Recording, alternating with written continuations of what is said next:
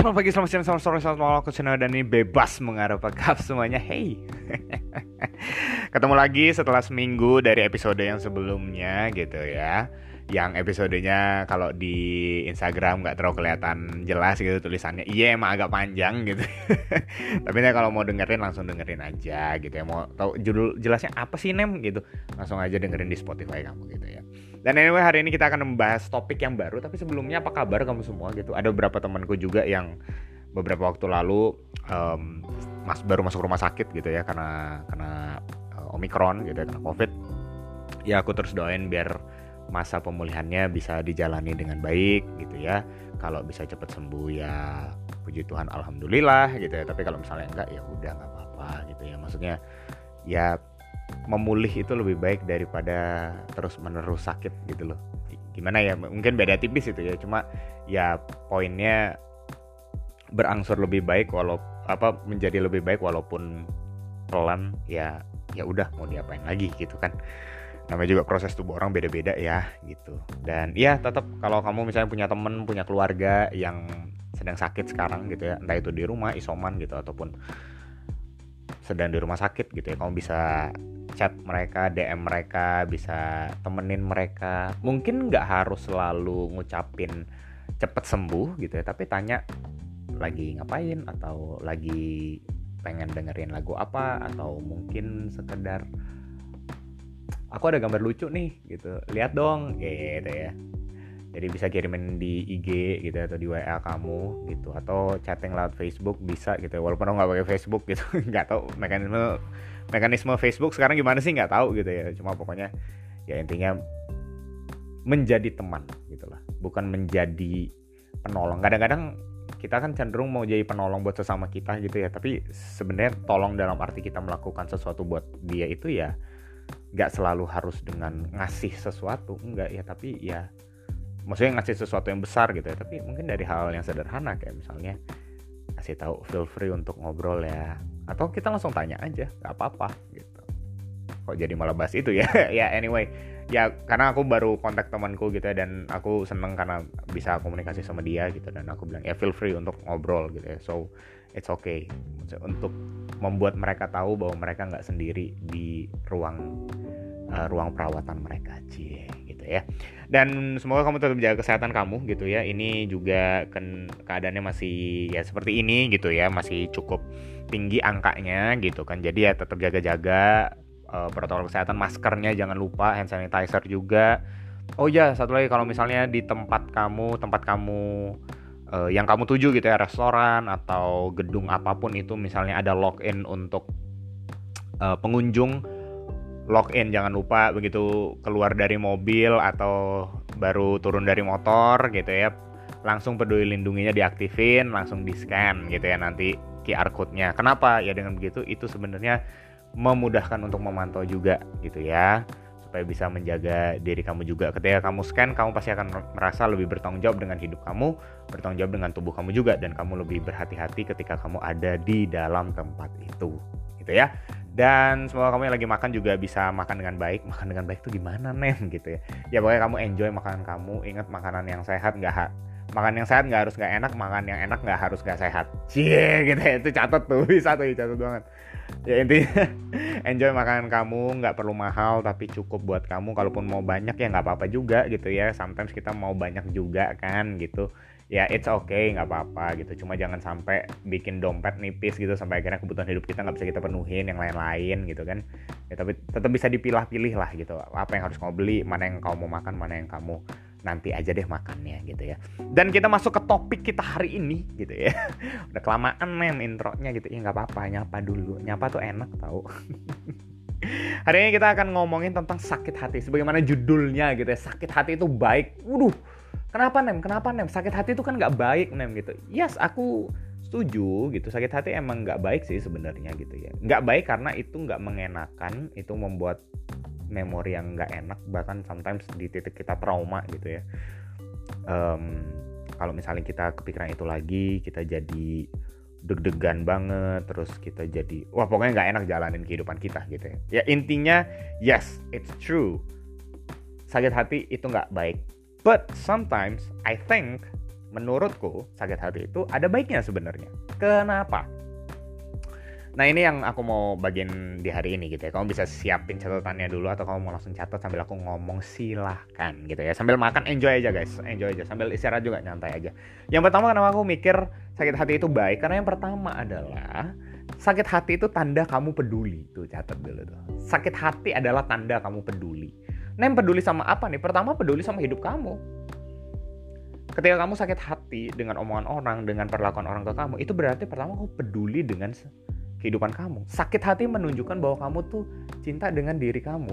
Bukan egois ya maksudnya, tapi kamu peduli dengan kehidupan kamu gitu ya. Mencintai diri kamu yang kamu kamu pengen hidup uh, diri kamu tuh berada dalam keadaan yang baik, tapi somehow nggak diduga surprisingly mereka melakukan hal yang tidak baik atau dia melakukan hal yang tidak baik gitu ya teman kamu bahkan sahabat kamu mungkin atau siapa pun itu gitu ya siapa pun itu. Karena gini uh, beberapa kali aku dengar cerita orang yang sakit hati juga gitu ya akhirnya merasa merasa tersakiti dan akhirnya kecewa sama teman mereka gitu ya karena merasa ditinggalkan dan lain-lainnya itu.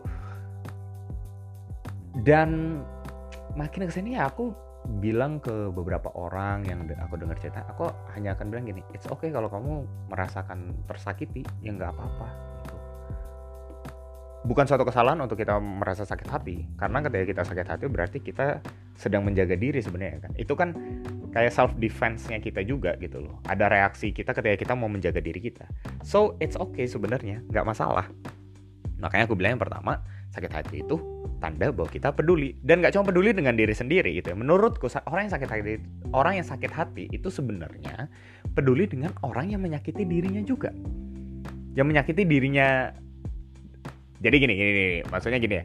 Orang pertama disakiti oleh orang yang kedua. Nah, ketika orang yang pertama itu tersakiti, maka itu juga tanda bahwa dia peduli dengan orang yang kedua itu yang menyakiti orang pertama itu. Ah gitu loh. Kenapa? Karena sakit hati itu kan timbul dari satu keadaan di mana kita nggak menyangka bahwa kok bisa seperti itu ya? Kok ada orang yang berlaku seperti itu sih? Kok ada orang yang menyerang aku kayak gitu? Kok ada orang yang ngomong aku dari ngomong aku di belakang seperti itu sih gitu? Padahal di depan baik banget sama aku gitu misalnya. Jadi ada kepedulian kita, kepedulian yang dalam arti itu kamu tuh seharusnya nggak kayak gitu, gitu loh, ya. Dalam hati kita berpikir, nah itu agak unik ya kalimatnya. Ya. Dalam hati kita berpikir atau merasakan bahwa itu orang sebetulnya tidak harus melakukan seperti itu kok dia melakukan seperti itu ya? Ih jahat banget sih dia. Nah sebenarnya itu kita bukan nyumpahin dia uh, hal yang buruk ketika kita melakukan seperti itu gitu. Atau kita membenci dia langsung enggak. Tetapi itu titik di mana kita sebenarnya bisa menentukan kita mau supaya tetap peduli dengan orang itu atau kita meninggalkan orang itu.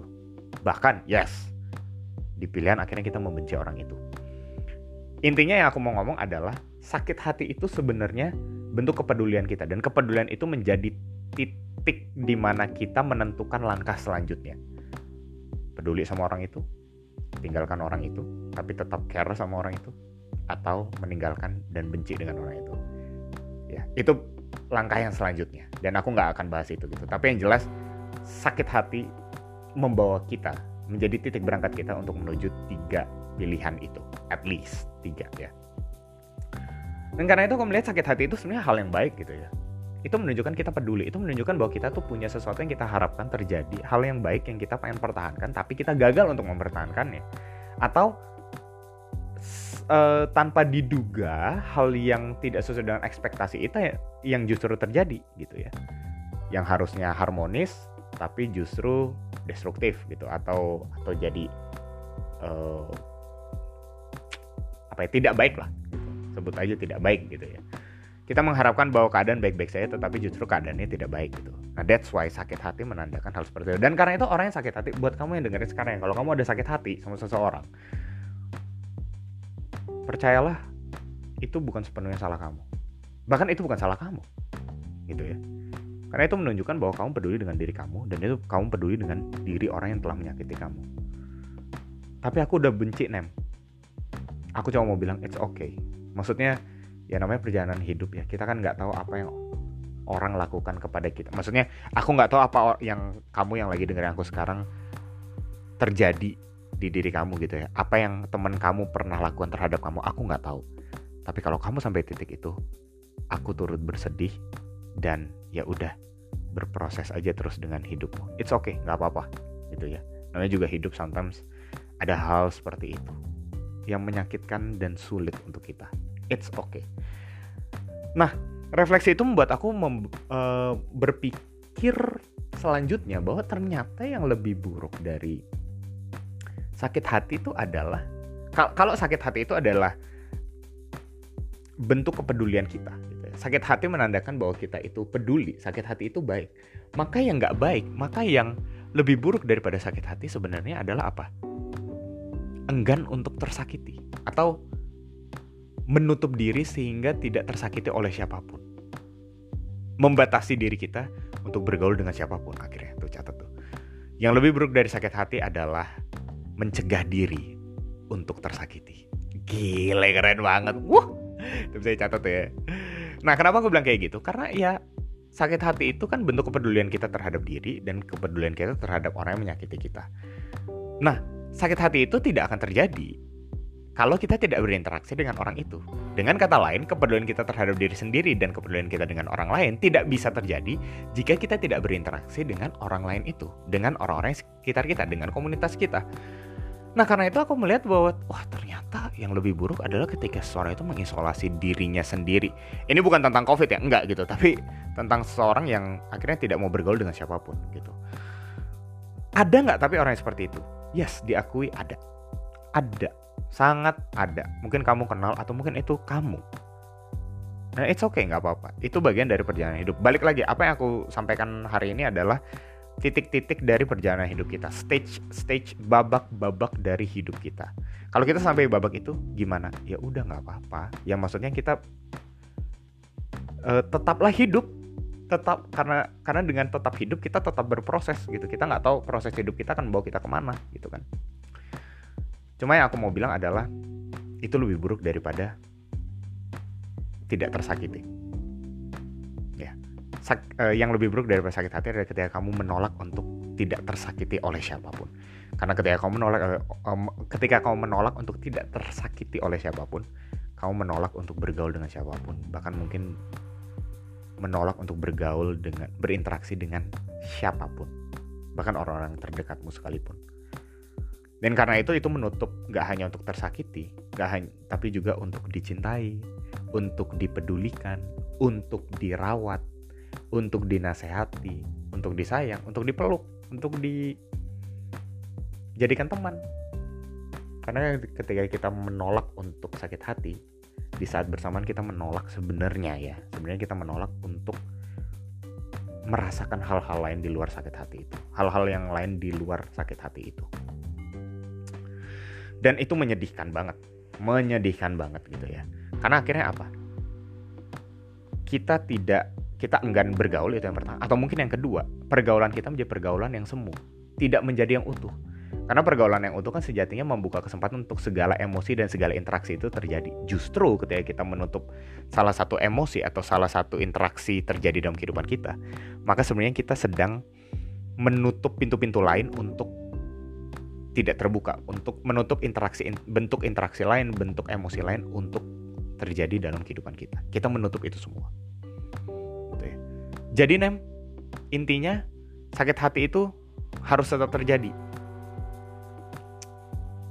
Ya, mau nggak mau. Tapi bukan berarti kita harus menyakiti hati kita gitu ya, atau memohon orang untuk menyakiti hati kita. No, tetapi yang jelas dari apa yang aku ngomong adalah tetaplah terbuka. Tetaplah terbuka dengan siapa pun, dengan orang-orang di, uh, di sekitar kamu. Masalah intensitas dan interaksi apa pun itu itu urusan nanti. Tapi ketika sakit hati itu terjadi, percayalah, kamu sedang mulai peduli dengan dirimu, kamu sedang mulai peduli dengan orang yang menyakiti kamu. Nah, itu tanda bahwa kamu punya harapan dan kamu punya kebaikan yang kamu harapkan untuk di dunia ini. Jangan merasa bersalah ketika kamu sakit hati. Merasalah bersalah ketika kamu tidak merasakan apa pun lagi. And that's all for today. Thank you semuanya udah mau dengerin. Cukup panjang ternyata ya. Cuma dua hal. Semoga itu bisa menjadi pertimbangan dan inspirasi buat kamu. Kamu bisa share itu juga ke teman-teman yang lain. Kalau mungkin ada temanmu yang baru pertama kali dengerin yang belum pernah dengerin bebas mengarah, kasih langsung bebas mengarah linknya, sok langsung. Ya, kalau kau baru pertama kali dengerin ini, hai apa kabar gitu ya, selamat datang di bebas mengarah dan silahkan mendengarkan episode ini dan episode-episode lain di Bebas Mengarah. Thank you semuanya udah mau dengerin, tetap sehat, tetap semangat juga untuk jalanin hidup, dan selamat beristirahat, selamat makan semuanya. Akhir kata bebas sambil mengarah, bebas untuk mengarah, bebas mengarah. Bye-bye!